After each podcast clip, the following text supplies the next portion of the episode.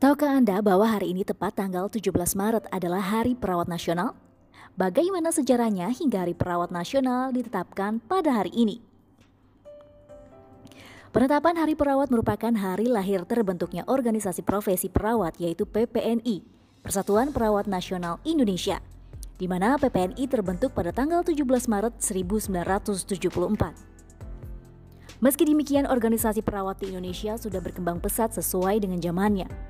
Sejak zaman penjajah, perawat Indonesia juga sudah bersamaan dengan adanya rumah sakit. Saat itu perawat sudah memiliki perkumpulan-perkumpulan sebagai wadah organisasi perawat. Organisasi-organisasi perawat tersebut mengadakan pertemuan untuk menyatukan diri dalam satu organisasi bernama Persatuan Perawat Nasional. Akhirnya di tanggal 17 Maret 1974 terbentuklah Persatuan Perawat Nasional atau PPNI. Begitulah sejarah ditetapkannya Hari Perawat Nasional, profesi yang saat ini sangat dibutuhkan dalam memberantas pandemi COVID-19.